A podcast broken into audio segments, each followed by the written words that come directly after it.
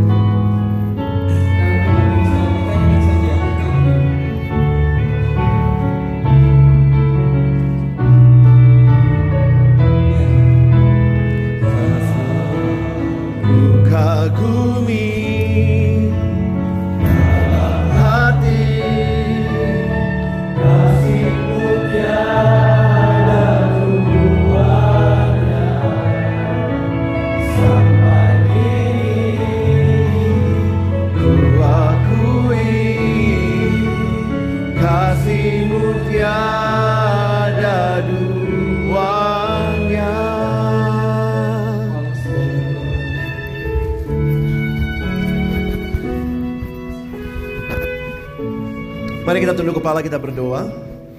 Tuhan kami bersyukur karena Engkau sungguh baik dalam hidup kami.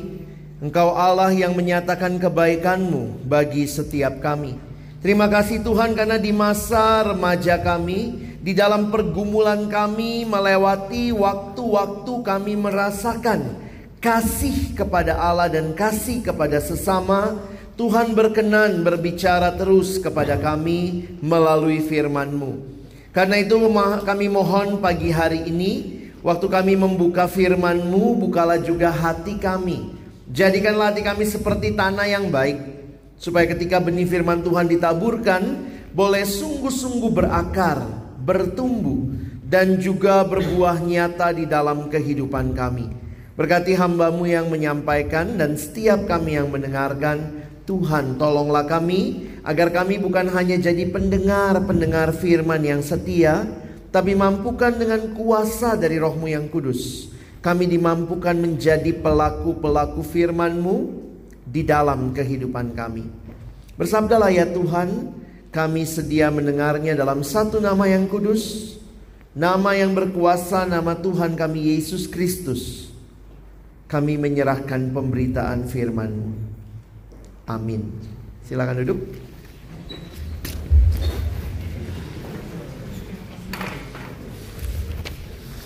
Thank you. Shalom. Selamat pagi teman-teman sekalian. Oke, tema pagi ini uh, boys and girls. Tentu kalau mau jadi girls ke sono ya, di kelas sebelah. Di sini yang boys saja gitu ya. Ada yang mau pamit? Oh enggak. Pamitnya ke toilet, bukan ke ini ya. Koko harap kita bisa perhatikan sama-sama banyak hal yang saya pikir nanti kalau mungkin ada waktu kita boleh tanya jawab begitu ya. Saya kasih prinsip-prinsipnya aja karena saya melihat ini yang menjadi hal penting buat generasimu saat ini ya. Nah, uh, ini kontak saya. Seandainya ada yang mau kontak, mau ngobrol, mau sharing, silakan. Saya mulai dengan slide ini. Ini slide yang kalau kalian googling pasti keluar slide ini tentang perilaku seksual remaja SMP dan SMU. Familiar kah dengan hal ini? Saya mau katakan begini ya, teman-teman perhatiin sebentar. Tidak semua istilah di depan mungkin kamu pahami. Tapi saya harus katakan bahwa kita harus belajar untuk berbicara dengan terbuka tentang pergumulan seksual remaja secara khusus juga yang pria. Ya. Kadang-kadang gereja tidak banyak ngomongin itu. Orang tua termasuk yang cukup sulit bicara. Dan sekolah juga saya pikir mungkin karena tidak ada kurikulum khusus. Jadi yang mengerikan begini. Remaja belajar tentang seksualitas dari sesama remaja. Orang buta menuntun orang buta. Belum lagi kalau kalian sudah terekspos sama video porno, maka seolah-olah gambaran seks yang seperti itu yang jadi gambaran yang mengerikan. Perhatikan, ini membuat saya menyadari betapa pentingnya bicara seksualitas kepada remaja. Dan apa kaitannya sama kasih? Nanti kita lihat sama-sama ya. Ini beberapa slide yang biasa kita lihat di dalam kalau googling biasanya keluar ini ya. Ngeri sekali dalam setahun 2 juta wanita Indonesia aborsi ini data beberapa tahun yang lalu. Dan sebagian besar itu remaja dilakukan dengan cara yang tidak aman. Salah satu penyebabnya saya pikir adalah ini. Bahwa pornografi sekarang itu begitu merajalela, begitu gampang diakses. Dan wifi yang kencang dan segala macam, ini jadi pergumulan yang dekat dengan kehidupan anak-anak remaja. Masa remaja itu masa di mana kuriositas lagi tinggi. Jadi ada beberapa perkembangan yang dialami remaja kalau kita mau coba perhatikan. Yang pertama sih perkembangan fisik, ya. Itu beda banget waktu kalian masih kecil gitu ya. Tambah gede, tambah gede. Biasanya memang wanita lebih duluan pubernya. Makanya kalau lihat wanita itu SMP 1 udah mulai dewasa yang cowoknya masih kecil. Waktu SMP kelas 1 tuh masih lari-lari, nabrak-nabrak begitu ya. Itu anak cowok kayak begitu tuh. Terus nanti kalau udah kelas 2, kelas 3 SMP tuh kayak ditiup angin gitu ya. Kayak ditiup, balon ditiup. Kelas 8, kelas 9, kelas 10 kamu makin besar secara fisik. Lalu yang kedua ada juga perkembangan emosional. Atau boleh dipakai istilah perkembangan secara mental. Mental emosional ini menarik begini. Kalau waktu masih anak-anak, anak itu sangat bergantung sama orang tuanya. Masih ingat dulu kalau orang tua mau ke mana anaknya ikut ya. Papa mama ikut gitu ya. Kadang-kadang sampai mesti diputerin di setelin video dulu. Mengalihkan perhatian baru orang tuanya pergi begitu ya. Itu waktu masih masa ke anak kecil begitu. Saya ingat punya temen anaknya masih balita waktu itu ya. Saya pas ikut sama dia pulang ke rumahnya. Dan waktu sampai di rumahnya itu anak balita baru dengar klakson mobil, itu anaknya dua orang langsung di depan pagar gitu ya. Ada tarian papa pulang. Papa pulang, papa pulang. Itu di depan pagar gitu ya. Itu kalau masih anak kecil. Begitu masuk masa remaja, beda. Sekarang orang tua ngajak pergi nggak mau. Dulu kamu nangis-nangis minta ikut. Sekarang orang tua yang nangis-nangis minta kamu ikut. Biasa gitu ya. Nanti gak gantian. Kalau lagi telepon gitu ya. Udah dulu ya bokap gue pulang. Jadi ada perbedaan. di mana ada masa di mana mau melepaskan diri dari orang tua. Jadi perkembangan mental itu begitu. Ada yang kemarin sebelum retret dimandiin sama papa mama pagi-pagi? Enggak ya? Kenapa? Bilangnya sudah gede. Salah satu bukti kedewasaan mental, kamu tidak bergantung sama orang tua. Masih ada yang disuapin?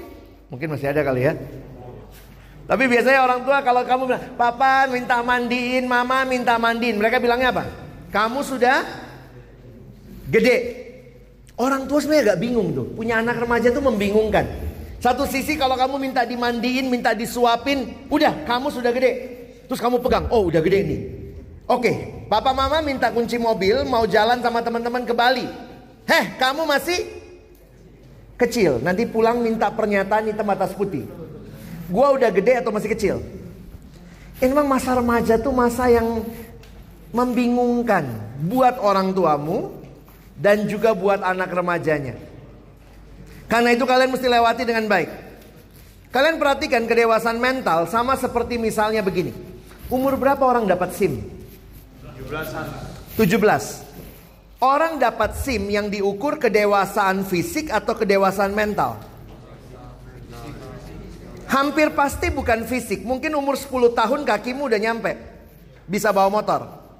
Bisa nginjek gas. Tapi baru dapat license umur 17. Karena yang dihitung adalah kedewasaan mentalnya. Kalau nabrak orang tuh ya berhenti nolongin, bukan kayak nabrak ayam, oh mati, ya bye gitu ya. Jadi itu ada masalah kedewasaan mental. Makanya orang yang secara fisik bertumbuh tapi mentalnya nggak bertumbuh, dibilang keterbelakangan mental. Pernah lihat yang begitu? Jadi fisiknya sih gede ya, tapi dia kelakuannya kayak anak-anak. Nah, jadi itu gambarannya. Kedewasaan fisik terjadi, kedewasaan mental terjadi, lalu juga ada kedewasaan secara emosional. Mulai punya perasaan. Itu normal. Saya punya ponakan TK, cewek ditanya. Biasa kan kita suka bercanda, cowokmu pacarmu siapa di kelas? Terus anak anak kecil ngomong gitu, e, semua cowok di kelas itu pacarnya dia. Nah, itulah kalau masih kecil, belum ada rasa, belum ada emosi yang berkembang. Tapi masuk masa remaja mulai ada perkembangan emosional.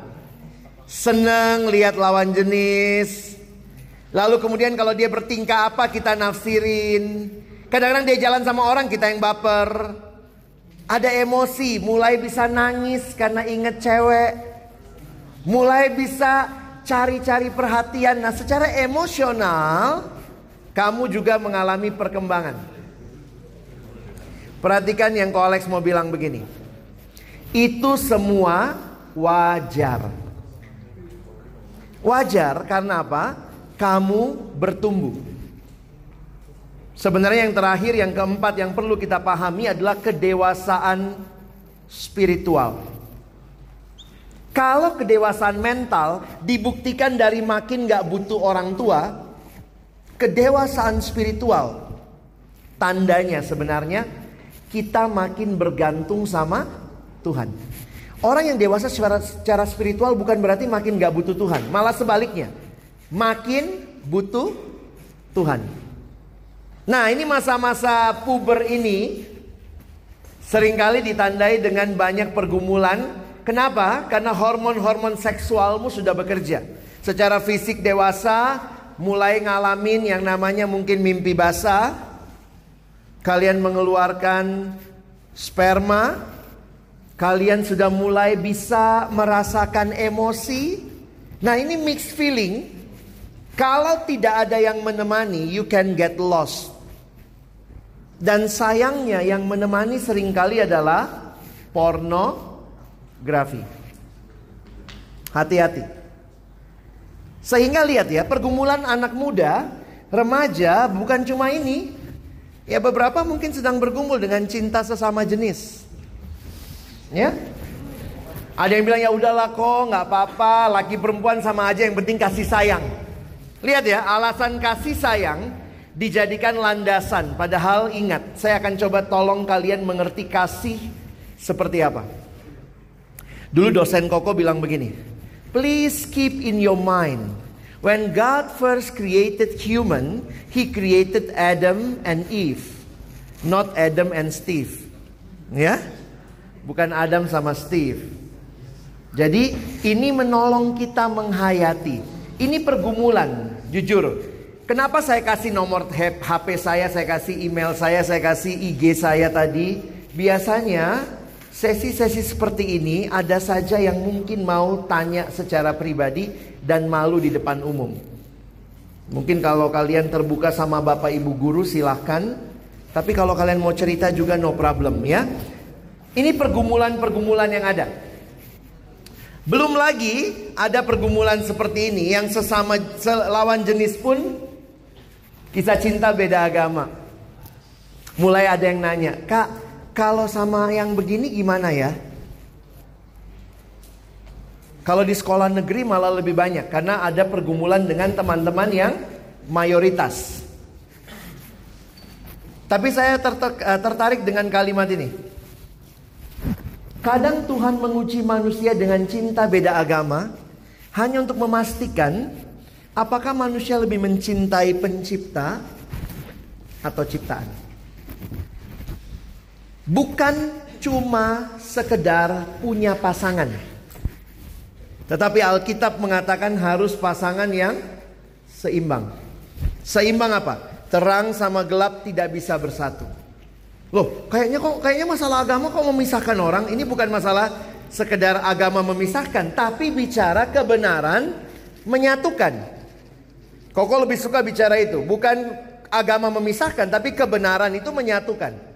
Terang tidak bisa bersatu dengan gelap. Ya. Jadi ini pergumulan yang akhirnya waktu masuk ke love, waktu kita bicara love, love itu sudah jadi satu hal yang dibicarakan tanpa makna. Kalian nonton film-film Hollywood, ketemu bentar, duduk, minum di kafe, eh masuk kamar. Seolah-olah love is just like that. Sebenarnya love kita dengar di mana-mana dan ini sebenarnya bisa diterjemahkan kasih, cinta, love. Ini bahasa yang universal. When we talk about love, hampir semua bahasa di dunia atau mungkin semua bahasa di dunia punya apa itu love?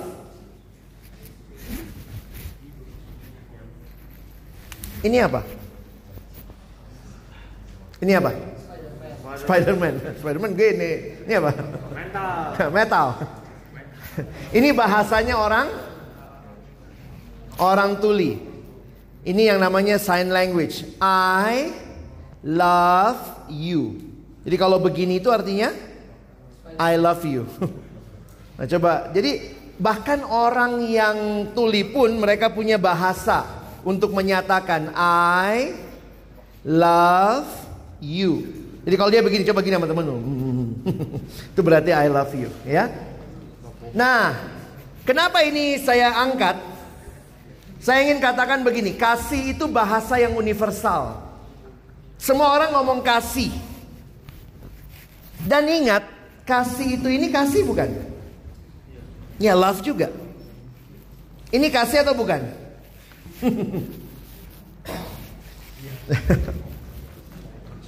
bicara tentang bangsa dan negara, kita juga bicara kasih. Bicara tentang persahabatan, kita juga bicara kasih. Sayangnya memang generasimu hanya mengerti kasih itu hanya sekedar hubungan lawan jenis, laki perempuan. Sampai ada hari Valentine. Nah ini mereka berdua pun gak mau ketinggalan.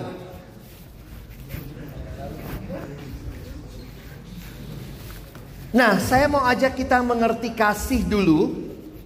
Supaya kalau kalian bisa menempatkan kasih yang benar. Prinsipnya benar. Maka kamu bisa punya pemahaman dan memperlakukan kasih dengan benar. Perhatikan ayat ini saya tuliskan di atas. 1 Yohanes 4 ayat 9 dan 10 ya. Yuk kita baca sama-sama ya. Koko aja kita baca. Satu, dua, iya. Dalam hal inilah kasih Allah dinyatakan di tengah-tengah kita, yaitu bahwa Allah telah mengutus anak yang tunggal ke dalam dunia supaya kita hidup olehnya. Inilah kasih itu, bukan kita yang telah mengasihi Allah, tapi Allah yang telah mengasihi kita dan yang telah mengutus anaknya sebagai pendamaian. Perhatikan baik-baik. Ketika kita bicara tentang kasih, dari mana belajarnya? Saya pikir kita mesti belajar dari realita God is love. Jangan belajar kasih dari drama Korea. Kita nggak belajar kasih dari sekedar film-film romantis. If you want to learn about love, learn from God because God is love. Nah, perhatikan di dalam Alkitab dikatakan kasih itu dimulai dari Allah. Perhatikan tadi ayatnya. Bukan kita yang mengasihi Allah, tapi Allah yang lebih dulu mengasihi kita. Mana yang duluan Tuhan cipta, telur atau ayam? Hmm? Ayam. Kalau kita baca Alkitab ya kita meyakini Allah menciptakan ayam, bukan telur ayam jadi ayam ya. Allah menciptakan ayam. Pertanyaannya, mana lebih duluan? Kita mengasihi Allah atau Allah mengasihi kita? Mana telur ayamnya? Allah mengasihi kita. Nah, karena itu kalau kita perhatikan Allah mengasihi kita, coba teman-teman lihat kembali ayatnya ya, koko tunjukin ya. Di dalam dua ayat ini, saya mau kasih tahu satu tips dalam perjanjian baru. Hampir setiap kali perjanjian baru bicara tentang kasih, itu bicara tentang Allah mengaruniakan anaknya. Saya ulangi ya. Hampir setiap kali Alkitab perjanjian baru bicara tentang love, itu dikaitkan dengan Allah mengaruniakan anaknya. Bisa lihat ayat ini? Inilah kasih Allah, yaitu Allah mengutus anaknya. Lihat lagi ayat 10. Inilah kasih itu. Bukan kita yang telah mengasihi Allah tapi Allah yang telah mengasihi kita. Apa yang dia lakukan? Yang telah mengutus anaknya. Hampir setiap kali Alkitab bicara kasih di perjanjian baru, pasti hubungannya Allah ngasih anaknya. Masih ingat Yohanes 3:16? Karena begitu besar kasih Allah akan dunia ini, Allah mengaruniakan anaknya. Jadi, kalau kita mau belajar tentang kasih, kita harus belajar prinsip ini. Allah memberikan anaknya. Dan apa yang terjadi di kasih itu? Makanya saya mau katakan begini, teman-teman, bahasa Indonesia itu paling gampang menjelaskan kasih. Apa itu kasih? Kasih, ya kasih. Apa itu kasih? Kasih, ya kasih. Love is giving. Love is not taking. If love is taking, taking, that is not love, that is rampoking, you know?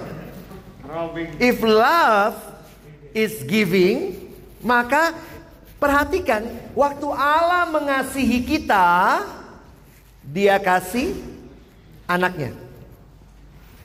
Prinsip itu saja kalian bisa pelajari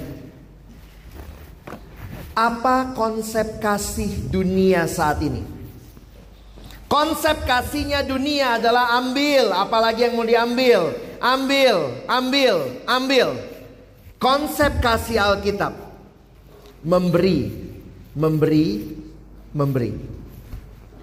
Ada remaja datang sama saya lalu dia tanya, bukan datang sih ya, dia chat di IG. Kak, pacar saya minta kissing. Boleh nggak? Yang nanya perempuan. Kak, pacar saya minta kissing. Boleh nggak? Saya bilang apa tujuannya kissing? Lalu dia bilang begini. Pacar saya bilang kalau kamu mengasihi saya, Masa kissing aja nggak mau sih? Saya bilang belajar prinsip kasih. Kalau kita mengasihi bukan kita rampok, kita minta, kita mau. Kasih itu sebenarnya menjaga. Kalau kamu mengasihi pasanganmu, jaga dia kudus sampai altar pernikahan. Itu namanya kasih. Kalau hidup mengambil supaya saya nikmat, saya nyaman, saya enak, saya katakan itu bukan kasih. Itu ngerampok. Ingat baik-baik. Kalau kamu makin dewasa dalam kasih, kamu akan bisa memperlakukan pasanganmu dengan baik. Di mana Allah memberikan anaknya? Waktu Koko dapat gambar ini, ini siluet hidup Yesus. Dari lahir sampai bangkit. Nah, tapi numpang tanya nih. Di mana Yesus berkata, sudah selesai? Di kayu salib. Dia nggak ngomong udah selesai di palungan ya. Ini kalau ngomong selesai di palungan pasti lari tuh maju sih ada anak kecil ngomong udah selesai lari pasti ya. Dia nggak ngomong sudah selesai, habis kasih makan 5000 orang lalu Yesus ngomong sudah selesai. No. Bukan itu tujuan dia datang cuma kasih makan.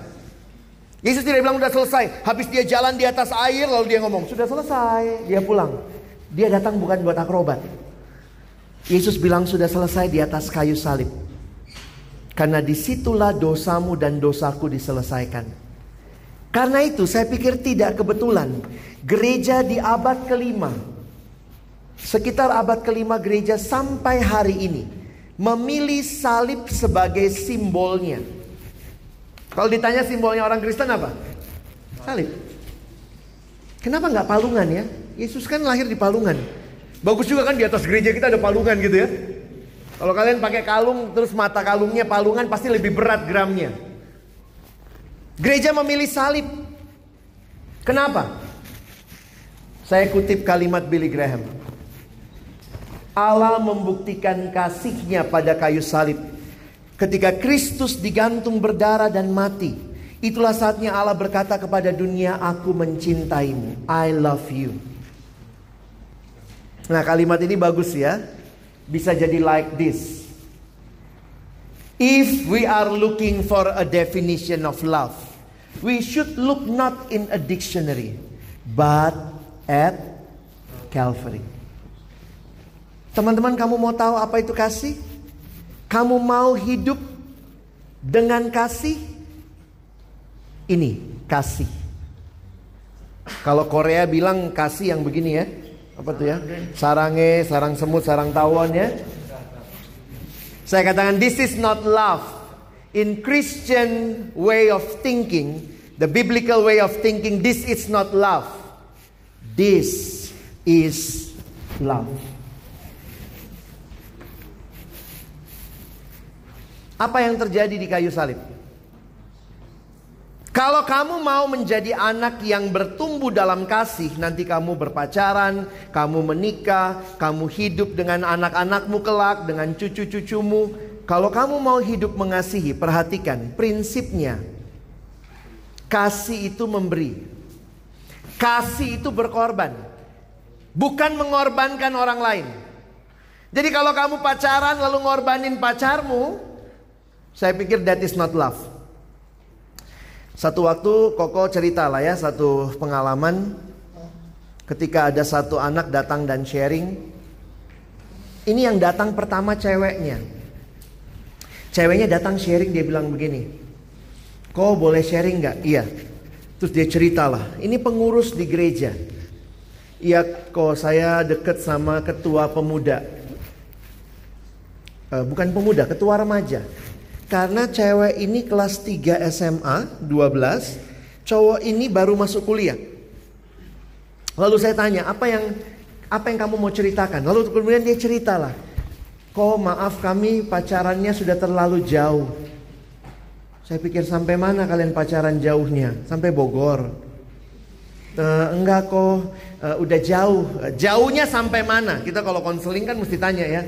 Jauhnya sampai mana? Ya Begitulah kok. Begitu itu apa Uh, kami uh, begitulah kok. Akhirnya saya tahu sejak dia cerita, mereka melakukan sampai petting. Petting itu apa? Belum berhubungan seks dalam arti alat kelamin ke alat kelamin, tetapi mereka sudah dengan telanjang ataupun dengan baju saling merangsang sehingga puas. Itu namanya petting. Grepe-grepe tingkat tinggi. Terus saya tanya, Kalian lakukan di mana? Di rumahku kok. Kalau papa mama nggak ada. Dan keluarganya nampaknya percaya karena apa? Ini ketua remaja di gereja. Lalu kemudian saya bilang, apa yang kalian lakukan? Setelah melakukan itu apa yang kalian rasakan? Wah kami nyesel kok, kami doa sama-sama. Kami puasa kok. Terus jatuh lagi kok. Jadi dia tanya sama saya ya, biasakan dia nanya. Jadi menurut Koko gimana? Saya bilang gini, kalau kalian memang tidak siap berpacaran kudus, putus. Tapi kok, nah ini ini sisi wanita ya. Dia udah, aku pertama kali dia yang gitu-gituin saya kok. Pokoknya saya nggak mau lepasin dia kok. Pokoknya sampai menikah saya akan jaga dia. Saya bilang oke okay, silakan kalau itu komitmenmu tapi maaf. Kalau kalian jatuh lagi dalam ketidakkudusan terus menerus, kalau saya pikir putus dulu. Kalau memang jodoh ketemu lagi kok. Putus dulu. Kayaknya dia kecewa dengan jawaban saya lalu dia pergi. Pokoknya dia bilang iya kok saya coba dulu. Karena saya udah kasih tips, jangan pacaran di tempat kosong. Pacaran kalau perlu ada papa mama di situ, kamu di depannya. Kenapa? Karena masalahnya kamu kalau berdua hancur. Jadi jangan jangan merasa diri cukup kuat. Saya katakan tidak usah pacaran, gak usah nonton ke bioskop. Kenapa? Itu gelap-gelap, berdua, gerap, gerap, apa grepe-grepe nanti. Jangan. Hati-hati yo. Saya ngomong, sorry ya, Koko ngomong apa adanya nih. Ini pergumulan banyak remaja soalnya. Akhirnya, udah. Saya ketemu nih di waktu yang lain tidak sengaja ketemu cowoknya. Nah, nah inilah cowok ya, kurang ajar ya cowoknya merasa di atas angin ya. Jadi dia kemudian ngobrol juga sama saya terus dia cerita. Karena saya udah tahu, oh iya iya ini ya. Kok saya sama pacar saya udah terlalu jauh. Jauhnya sampai mana? Uh, gitulah kok akhirnya dia cerita dan ceritanya klop. Oh iya benar benar berarti sama ini gitu ya. Terus saya bilang gitu sama dia. Sekarang gimana perasaanmu ke wanita itu? Gue lagi kesel kok sama dia. Kenapa? Dia jadi posesif banget. Posesif, apa posesifnya? Dia bilang gini, sekarang gue kalau pergi kan gue udah kuliah nih kok. Cewek gue ini kan masih SMA. Dia kalau nanya tuh gitu. Lagi ngapain? Ini lagi makan sama teman-teman. Siapa aja nama temennya? Saya bilang kenapa dia nanya begitu kira-kira? Terus kemudian dia cerita, mungkin ya dia curiga kali gue begitu ya. Waktu saya ngomong sama ceweknya, ceweknya juga udah cerita. Kok sekarang pokoknya dia ke mana pun saya pegang. Kenapa? Dia udah ngerusak hidup saya kok. Saya pokoknya pegang dia. Pokoknya nggak boleh deh sama orang lain. Apa yang ada di benak cewek itu? Pikiran cewek itu apa? Kalau dengan saya dia bisa begitu, bisa juga sama cewek lain begitu. Nah kemudian cowok ini, iya kok, gue kesel nih, gue ditanyanya gitu, detail banget, sama siapa, siapa aja, kenalan di mana temennya gitu ya. Terus kemudian saya bilang ya, saya kasih pendapat saya. Ya mungkin karena kamu sudah lakukan itu sama dia. Jadi ya dia merasa kamu harus dia pegang begitu. Iya kan, tapi kan gue juga nggak tahu deh kok. Kayaknya, maaf ya, inilah caranya merendahkan orang ya. Sorry ya kok, kayaknya dia bukan pertama kali sama gue. Cowok ini merendahkan cewek ini cewek gampangan Padahal cewek ini ngaku ke Koko dia pertama kali lah sama cowok ini. Dan cowok ini cuma ngomong dia kayaknya bukan pertama kali kok sama gue. Saya bilang dari mana kamu bisa simpulkan itu? Beberapa kali dia minta duluan. Berarti kan dia udah sering. Maaf ya. Ketika ada hubungan seks sebelum pernikahan. Itu tidak pernah di dalam sejarah membuat orang makin dekat. Hubungan seks Tuhan ciptakan harus di dalam payung pernikahan. Karena itu semua bentuk hubungan seks di luar pernikahan itu cuma saling mencurigai, saling menjatuhkan, saling merendahkan dan hati-hati. Kenapa? Karena yang diterapkan di dalamnya bukan kasih, tapi rampok. Nah, cowoknya apa? Gua dapet, ya udah, terus sampah. Ceweknya ngerasa saya harus pegang nih orang. Sehingga kadang-kadang dalam realita begini saya harus katakan kasih dipermainkan. That is not love. Itu bukan kasih. Makanya kalau kalian belum pacaran, Koko ingatkan, tidak perlu pacaran buru-buru. Emangnya mau nikah besok? Ada yang nanya sama saya, jadi kok kami pacarannya umur berapa? Saya bilang kamu mau merit umur berapa? Merit kalau laki-laki ya kok ya lulus kuliah kan 23 24, gue merit 27 lah kok 3 tahun nabung. Oke, kalau kamu mau merit 27, sekarang koko tanya, pacaran enaknya berapa lama? Pacaran kelamaan mah enak nggak? Pacaran itu secara fisik kita udah dekat tapi belum boleh ngapa-ngapain.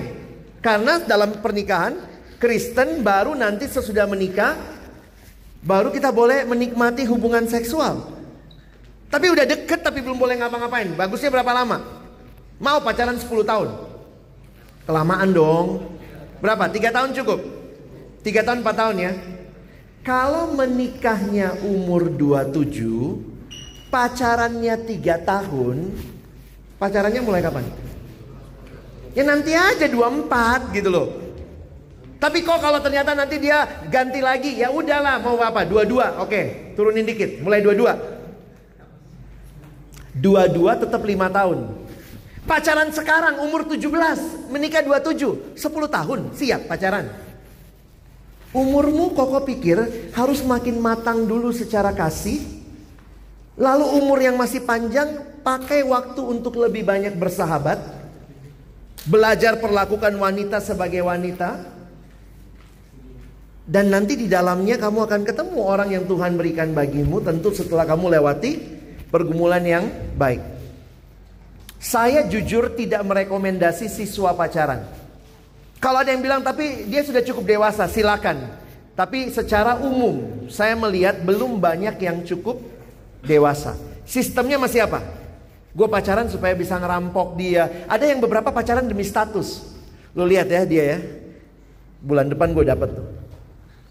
Jadi kayaknya ini ya demi status tuh. Begitu udah dapet, udah hilang. Nah jadi memang ini pergumulan remaja nggak gampang. Tapi Alkitab kasih polanya. Waktu Tuhan mengasihi kita, dia sampai korbankan nyawanya. Apa sih yang paling terbaik yang manusia miliki? Saya pikir nyawa. Tuhan kasih yang the best of him for the one whom he love. Kalau Tuhan mengasihi kita, dia kasih yang terbaik. Kalau kamu mengasihi pasanganmu, kamu juga akan memberikan yang terbaik. Memang yang paling mirip sama kasihnya Tuhan itu kasihnya ada yang bilang orang tua ya. Makanya ada lagu kan buat mama ya. Kasih ibu kepada beta tak terhingga sepanjang masa. Apa itu kasih?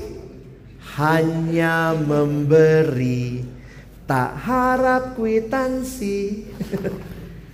Banyak juga sih mama-mama kwitansi sekarang ya. Cepat besar ya nak ya kerja baik-baik nanti bawa mama jalan-jalan keliling dunia. Itu mama-mama kwitansi ya. Ongkos susunya balikin. Tapi lihat harusnya lagu itu nih buat buat Tuhan ya. Apa itu kasih? Hanya memberi, tak harap kembali. Karena ini lagu anak-anak, penciptanya harus cari ilustrasi yang paling pas. Ilustrasi apa?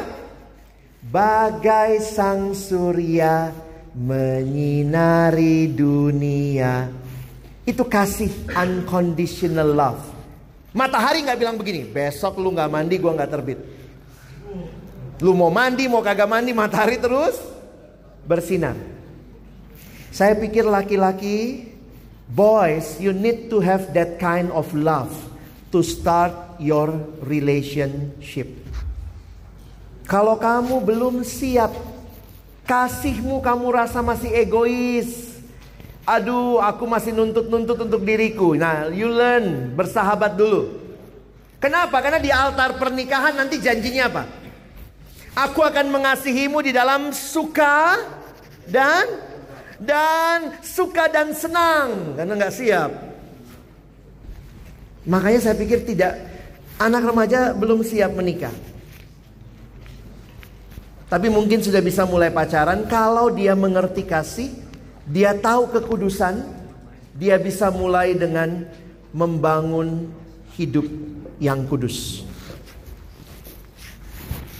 Lihat Yesus anaknya yang tunggal. Jadi ketika Alkitab berkata Allah mengaruniakan anaknya yang tunggal. Untuk apa? Lihat. Bukan untuk dirinya. Yesus nggak mati supaya buat dirinya. Dia mati supaya kita hidup olehnya. Fokusnya kasih bukan diri sendiri. Itu self love, itu sin. Dosa itu akulah segala galanya. Kasih supaya manusia hidup. Yesus mati supaya kita hidup. Perhatikan ayat 10 tadi dia bilang apa? Dia mati sebagai pendamaian bagi dosa-dosa kita. Karena itu ini kesimpulan kokoh dari yang saya bahas tadi. Kasih dunia saat ini banyak kali hanya dikaitkan sama feeling. Tapi Alkitab bicara kasih yang lebih daripada sekedar feeling. Love is commitment. Ada sebuah komitmen di dalamnya. Karena kasih itu bukan ngambil, tapi memberi. Memang kalau bicara kasih ini ya, saya jadi sadar bahwa ini kegagalan waktu manusia jatuh dalam dosa, kasih juga kata Alkitab, kasih orang akan semakin pudar. Nah, siap menjalin relasi dengan lawan jenis? Kalau cuman feeling, tolong tanya lagi. Is it only feeling? Mesti tingkatkan kepada komitmen. Saya kasih contoh juga ya. Pernah jadi ini kejadian nyata nih ya. Koko pergi ke Bandung pimpin retret siswa kelas 10. Eh kelas 10. Retret siswa SMP 1 kelas 7. Ya kalian tahu ya kalau kelas 7 yang saya bilang tadi ya, ceweknya udah mulai gede, mulai pakai kutang gitu ya. Cowoknya masih lari-lari gitu ya, pakai celana pendek. Terus ketemu Koko di ruang makan, saya jadi pembicara. Terus ini cowok-cowok berapa orang ngomong datang. Kak, kamarnya di mana? Saya bilang, oh saya di kamar pembicara tuh ada deket sini. Oh ya, boleh nggak kita main-main ke kamar kakak? Hah? Mau main-main ya boleh. Mau ngapain kan kamar pembicara gede katanya ya. Padahal saya sendiri tuh. Kita mau datang nanti siangan kak ya, habis makan siang ya ke kamar ya. Oh ya boleh. Mau ngapain? Mau smackdown. Wah. Jadi benar ternyata jam 2 kamar saya diketuk. Datanglah tiga anak kecil-kecil ya SMP 1 ya tiga anak tengil-tengil gitu ya datang. Lalu kemudian saya ingat banget ada yang dua lagi smackdown, berdua smackdown di kasur yang sana. Saya ngobrol sama satu anak, tiba-tiba dia nanya, ya anaknya kecil banget gitu, kecil, tengil gitu ya, lucu gitu ya. Terus kemudian dia nanya gini, kak, boleh nggak kita pacaran? SMP 1 saya sampai liatin sampai bawah celana lu aja belum nyampe di bawah gitu ya. Terus kemudian dia tanya, boleh nggak kita pacaran? Nah, sebagai pembimbing remaja yang baik, saya nggak boleh langsung jawab. Karena anak remaja tuh suka nggak mau mikir. Kalau saya jawab boleh, nanti kemudian apa? Dia pacaran. Kata siapa boleh? Kata ko Alex boleh. Jadi saya ajak dia mikir dulu. Saya nanya, dek, apa tujuanmu pacaran? Terus tiba-tiba dia ngomong gini, loh, kalau kita pacaran kan kok uh, itu kan menambah semangat belajar. Hah? Saya bilang, oh nambah semangat belajar. Coba kalau kalian jadi orang tua ya, ada terus punya anak ya. Terus kemudian, uh, om tante pinjem anaknya dong, saya pacarin supaya semangat belajar saya nambah. Itu mah ngerampok. Saya pakai kamu untuk semangat belajar saya. Boleh putus nggak? Oh boleh. Kalau sudah semangat belajar boleh diputusin. Oh yang sana lebih cantik. Dia bisa membuat semangat belajar saya lebih tinggi. Maaf ya lu kurang cantik. Itu nggak ada dasarnya begitu. Jadi waktu Koko bilang begitu ya. Hei, kalau cuma sekedar menambah semangat belajar, bukan pacaran jawabannya. Minum cerebrofit. Vitamin penambah semangat belajar. Kenapa jadinya alasannya jadinya sekedar pacaran untuk untuk dapat semangat belajar. Waktu dengar Koko ngomong begitu, yang Smackdown berhenti. ikut nimbrung. Dan waktu dia nimbrung tuh saya ingat banget tuh kalimatnya. Ada satu anak, dia tiba-tiba nunjuk saya. Dasar koko nggak ngerti anak muda. Wih gitu ya. Terus saya bilang oke okay deh, kalau lu apa tujuannya pacaran? Loh kalau kita punya pacar kan kok, kita bisa ajak jalan, kita ke mall, kita jadinya ada temen gitu. Oh sekedar biar lu nggak kesepian. Saya bilang hey, kalau kamu jadi orang tua mau nggak? Om tante pinjem anaknya ya, biar saya nggak kesepian. Itu mah bukan kasih, itu ngerampok. Saya bilang kalau sekedar cari biar nggak kesepian, pelihara anjing, bawa ke mana-mana. Bukan anak orang lupa cariin gitu ya. Ini yang saya bilang kadang-kadang cintanya anak remaja masih disebut cinta mo monyet. Pernah lihat monyet? Jangan bilang di sebelahku ini, jangan gitu dong. Pernah lihat monyet ya? Monyet senangnya makan apa? Pisang kacang. Pernah kalau pergi ke tempat di Bali ya, kita lagi pegang pisang kacang monyetnya Kadang-kadang ngerampok ya. Ada monyet yang agak jual mahal juga ya. Pura-pura di situ kita di sini lagi pegang, terus tambah deket, tambah deket, tambah deket. Lalu terus kalau kita kasih, monyetnya ke mana? Kabur. Makanya cinta remaja mungkin gitu ya. When I got what I need, kabur. Ini bukan kasih. Kasih itu ya kasih. Bukan yang ngambil. Ya monyet cuma ngertinya cinta monyet. Nah ini beberapa ayat terakhir. 1 Petrus 1, 14, 16. Kita baca ya. Satu, dua, ya. Hiduplah sebagai anak-anak yang taat. Dan jangan turuti hawa nafsu yang menguasai kamu pada waktu kebodohanmu. Tetapi hendaklah kamu menjadi kudus di dalam seluruh hidupmu sama seperti dia yang kudus yang telah memanggil kamu sebab ada tertulis kuduslah kamu sebab aku kudus. Saya harap kalian mengerti kasih, kalian mengerti kekudusan dan ini tujuan Allah dari awal pilih kita. Dari awal Tuhan pilih kita supaya kita kudus dan tak bercacat di hadapannya. Dunia yang mengajarkan kasih yang salah. Perkembangan emosi psikologis fisikmu yang kayaknya membutuhkan penyaluran. Jangan kemudian mencari kasih yang salah kepada lawan jenis kita jadikan pelampiasan. Saya langsung ke slide ini ya. Siapa yang ada di dalam Kristus ia adalah ciptaan baru. Harusnya ada perubahan hidup. Ya, old life and new life. Bedanya apa? Oh, beda sekali. Saya kutip bagian terakhir ini, Efesus 4. Koko anggap kalian nanti bisa baca di rumah ya. Efesus 4 21 sampai 24. Perhatikan Paulus menggunakan dua kata. Ini kayak pakai baju, menanggalkan dan mengenakan. Paulus bilang buang yang lama, tanggalkan tapi kenakan yang baru. Apa saja yang dibuang? Ini tadi ya menanggalkan manusia lama dan mengenakan manusia baru. Saya langsung masuk ke Efesus 5. Yang ditanggalkan percabulan. Siapa bilang di Alkitab tidak ada kata porno? Bahasa asli kata percabulan Efesus 5 itu dipakai kata porneia. Dari kata itulah ada kata porno. Percabulan dan rupa-rupa kecemaran atau keserakahan disebut saja pun jangan di antara kamu. Jadi kata percabulan pornea itu berarti hal yang tidak sepantasnya. Ketika hal yang tidak sepantasnya itu dinikmati dalam bentuk tulisan, namanya pornografi. Karena ditulis. Sebenarnya ada lagi yang menuliskan dalam bentuk foto itu ya. Nah, sekarang semua itu masuk kategori pornografi.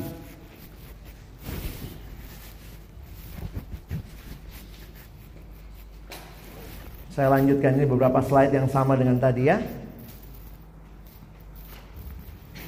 Memang mengerikan karena statistik pornografi itu luar biasa. Satu hari bertambah situs porno kurang lebih 2000 situs. Situs Kristen yang nambah? Boro-boro satu. Situs gereja nambah apa? Perbaiki, upload uh, warta jemaat gitu ya. Jadi memang ngeri nih. Salah satu bisnis yang paling laku di dunia secara internet pornografi. Itu pemasukannya paling gede. Nah, ini beberapa tahun yang lalu ya, ini data-data lama. Maaf, saya belum sempat membaharui ya.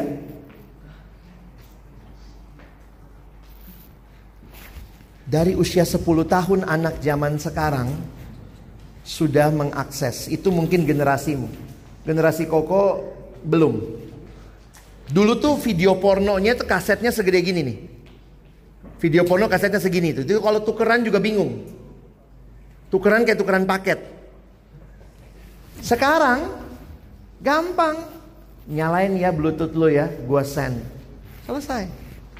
Jadi saya harus katakan ini generasi kalian punya tantangan yang lebih luar biasa. Mesti bijak pakai kuota.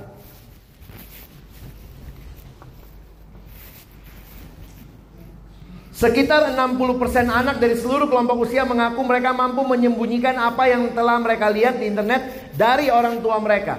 Ini membuktikan anak lebih paham internet dari orang tua. Papa mama lewat gitu ya, uh porno kebuka langsung minimize. Apa tuh nak? Biologi mama lagi ini.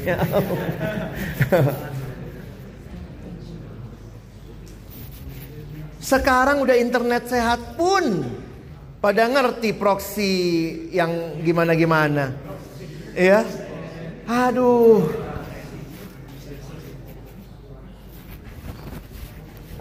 Perhatikan di dalam Efesus dikatakan Allah itu Allah yang kudus.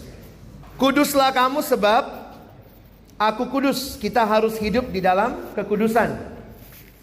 Di dalam digital era ini kalian tidak bisa dilarang juga. Mungkin kalau orang tua bilang nggak boleh pakai internet, nggak boleh pakai HP. Lu mau jadi anak apa gitu ya? Tapi ini penting nih. Bijak dalam penggunaan internet. Have a smartphone but not smart. Hati-hati. Ini hal-hal simpel lah Koko kasih tahu ya. Saya sama istri suka nonton. Dan kadang-kadang saya kaget gitu ya. Orang tua-orang tua juga banyak yang nggak ngerti. Film jelas-jelas 17 tahun, merah warnanya. Bawa anak, anak kecil. Mungkin karena papa mamanya pengen nonton, anaknya nggak ada yang jaga ya. Misalnya apa yang secara simple bisa kalian lakukan? Ini nonton film sesuai kategori umur. Jadi kalian tahu itu untuk menjaga Kenapa? Yang dilihat memang kedewasaan mental juga. Sama ini prinsip terakhir yang saya bagikan ya. True love waits. Ada kampanye di Amerika, sekarang juga berkembang di Indonesia, sebuah gerakan untuk mendorong anak muda jaga kekudusan sebelum pernikahan. Mereka bagi-bagikan gelang yang berjudul True Love Waits. Mungkin pernah datang ke gerejamu juga, atau kapan-kapan kalian undang ke sekolah, kalian bisa cek di Instagram. Mereka punya gerakan ini. Dorong anak muda, jangan berhubungan seksual sebelum pernikahan. Kenapa? True love waits. Nah, jadi ini jadi hal-hal yang saya harapkan Tuhan pakai menolong kalian. Ya. Kalau kalian sudah jatuh dalam dosa, ingat kalimat pemazmur. Saya senang mazmur ini. Dosaku kuberitahukan kepadamu. Kesalahanku tidaklah kusembunyikan. Aku berkata aku akan mengaku pelanggaran kepada Tuhan pelanggaran-pelanggaranku. Dan engkau mengampuni kesalahan karena dosaku. Tuhan tidak mempermalukan kita yang ngaku dosa. Tuhan janji kasih pengampunan. Kalau kau bilang ya ampun tadi tuh gua banget deh. Gue udah jatuh dalam dosa, nikmati pornografi, Tuhan mau kalian kembali. Kembali kepada dia. Tuhan kasih kepada kita roh kudus. Roh kudus diam di hati kita. Tuhan kasih kita firman Tuhan. Itu menguduskan kita setiap hari. Tuhan kasih kita komunitas. Ada teman-teman, bapak ibu guru. Ini jadi cara Tuhan menguduskan kita. Ya, Koko tutup dengan Amsal ini. Kenapa kita ajarin ke kalian? Koko harus ngaku juga ya, saya bukan orang yang bersih-bersih amat masa lalunya. Di generasi saya, yang belum ada internet, Koko terjebak sama pornografi dari kelas 5 SD. Dari kelas 5 SD Koko terjebak pornografi. Kenapa? Ada satu anggota keluarga yang tinggal sama kami. Dia ternyata banyak dia kerja di pelabuhan, dia punya banyak teman pelaut dan ternyata om saya ini membawa banyak majalah porno karena pelaut itu kalau kesepian di laut bawanya majalah porno zaman itu. Kan nggak mungkin bawa istri ya atau bawa pasangan. Jadi akhirnya banyak majalah porno ada di rumah. Sekali saya masuk kamarnya, kemudian saya jadi tahu tempatnya. Dan sejak kelas 5 SD saya terjebak dalam pornografi. Pornografi itu kayak satu paket sama masturbasi. Jadi sulit sekali menjaga kekudusan pikiran. Orang pakai baju lengkap aja kita bisa telanjangin kok. Kenapa? Karena fantasi-fantasi yang mengerikan itu. Tapi saya kenal Tuhan satu SMA. Di kelas satu SMA dalam retret seperti ini saya serahkan hidup saya kepada Tuhan. Dan hari itu saya mulai punya hasrat yang baru. Cinta saya yang dulunya begitu cinta sama pornografi diganti kepada cinta kepada Tuhan. Nah, itu pelan-pelan sih ya. Itu yang aku bilang tadi malam tuh. Kalau sudah addiction itu move onnya bisa tapi memang pergumulan panjang tuh. Dulu bangun pagi ingetnya porno. Sekarang bangun pagi ingatnya baca Alkitab, renungan. Saya pikir itu mengubah habit itu nggak gampang. Tapi Tuhan tolong. Karena itu kenapa kita ajarin semua ini buat kalian dari muda. Supaya kalian yang masih muda tidak salah jalan. Kita baca ayat ini sama-sama ya. Satu dua ya. Didiklah orang muda menurut jalan yang patut baginya. Maka pada masa tuanya pun ia tidak akan menyimpang Koko puji Tuhan kenal Tuhan satu SMA. Dan itu jadi titik balik hidup saya. Semua yang diberikan dulu. Sekarang saya tuai. Tuhan pulihkan hidup saya, baharui. Dan dalam anugerah Tuhan saya pikir itu ya, eh, belajar untuk menikmati pendidikan training. Perhatikan kata asli yang digunakan, didik di situ. Kalau kalian cek bahasa Inggrisnya, tidak dipakai kata teach. Teach itu cuma transfer knowledge. Train. Kata dasar yang digunakan dalam bahasa aslinya, train your child to live a godly life. Jadi training itu bukan cuma satu kali. Kalian ikut retret begini mah udah tahu banyak ya, catat lagi. Tapi pulang train yourself.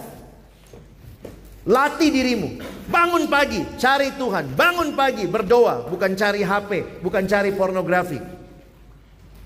Ya? Koko tutup dengan ilustrasi ini. Satu waktu ada seorang pendeta didatangin seorang anak muda. Lalu anak muda itu bilang sama Pak Pendetanya, Pak Pendeta, saya waktu di retret berkobar-kobar, saya serahkan diri kepada Tuhan. Kenapa pulang saya jatuh lagi Pak Pendeta? Gimana ini? Masuk lagi dalam hidup yang lama. Terus Pak Pendeta ambil tusuk gigi. Pendetanya ke mana-mana bawa tusuk gigi gitu ya buat ilustrasi. Lalu pendetanya tunjukkan. Kamu lihat tusuk gigi ini? Iya Pak Pendeta ini hidupmu. Ini hidupmu, gambaran hidupmu. Kau lihat hidupmu ini, iya Pak Pendeta. Terus kemudian dipatahin, cetek, aduh Pak Pendeta. itu hidup saya ya. Iya, itu hidupmu. Terus Pak Pendeta ambil lagi satu tusuk gigi yang masih baru. Lalu Pak Pendeta ternyata di kantongnya juga bawa paku. Pak Pendeta taruh tusuk gigi itu sama paku. Dilekatkan tusuk gigi itu sama paku. Lalu Pak Pendeta kasih ke anak itu. Coba patahin. Tapi harus dilekatkan. Begitu dilekatkan dicoba dipatahin. Dipatahin gak bisa. Terus pendeta bilang apa? Dengan hidupmu sendiri. Kau pulang. Kau akan hancur.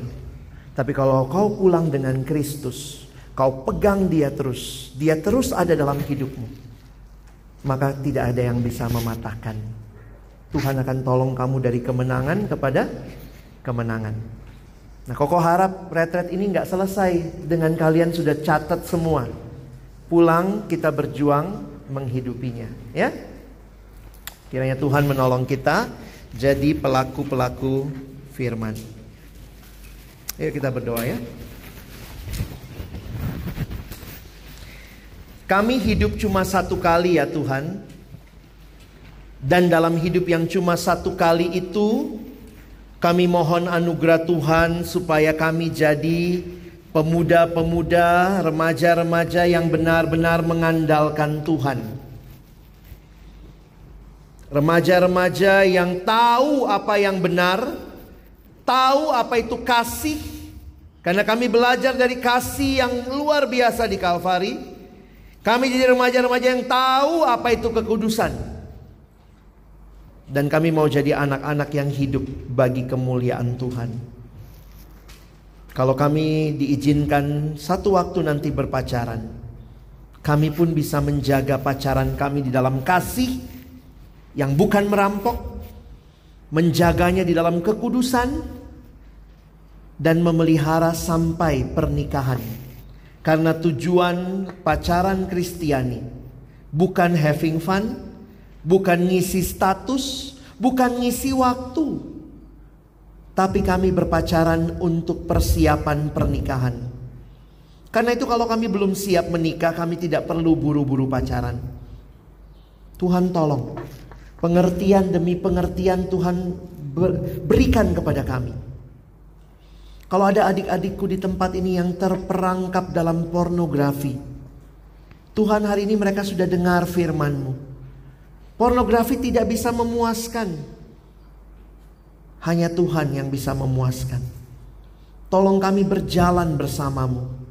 Mengenal engkau lebih dan lebih lagi. Memberi diri kami bukan makin cinta pornografi. Tapi makin mencintai Tuhan. Kalau di antara kami ada yang bergumul dengan perasaan LGBT. Kami rasa Tuhan kenapa engkau menciptakan kami demikian. Biarlah kami boleh kembali memandang kepada Tuhan. Itu bukan dari Tuhan. Itu adalah hasil produk dari sebuah realita manusia yang jatuh ke dalam dosa. Sehingga kami tidak harus menerima kondisi itu. Tapi kami harus bangkit berserah kepada Tuhan. Bukan hidup jadi LGBT, tapi hidup jadi orang benar yang mencintai Tuhan mengikuti kehendakmu. Karena itulah kebebasan yang sesungguhnya. Tuhan tolong. Berjalanlah bersama kami. Didiklah kami. Train us, O Lord. Supaya sejak masa muda kami dididik. Di training. Sampai masa tua. Kami tetap berpegang kepada Tuhan. Berkati waktu-waktu selanjutnya dalam sesi-sesi yang ada, sharing yang ada, biarlah kami terus berserah kepada Tuhan. Dalam nama Yesus yang mengasihi kami, kami sudah berdoa. Amin.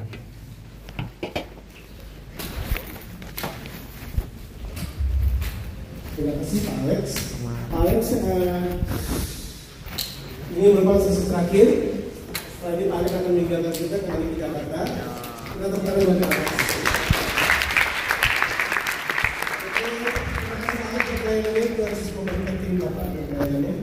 Anak-anak, kalian lihat di upacara kalian. Tadi tadi uh, menarik ya kata-kata Pak Alex ya. Kalian kita ada tiga yang menolong kita. Ada Roh Kudus, ada Firman Tuhan, dan ada komunitas. Makanya retret ini jangan dianggap main-main. Banyak orang yang digunakan lewat retret, ya. Tapi jangan merasa bosan. Jadi sudah saya juga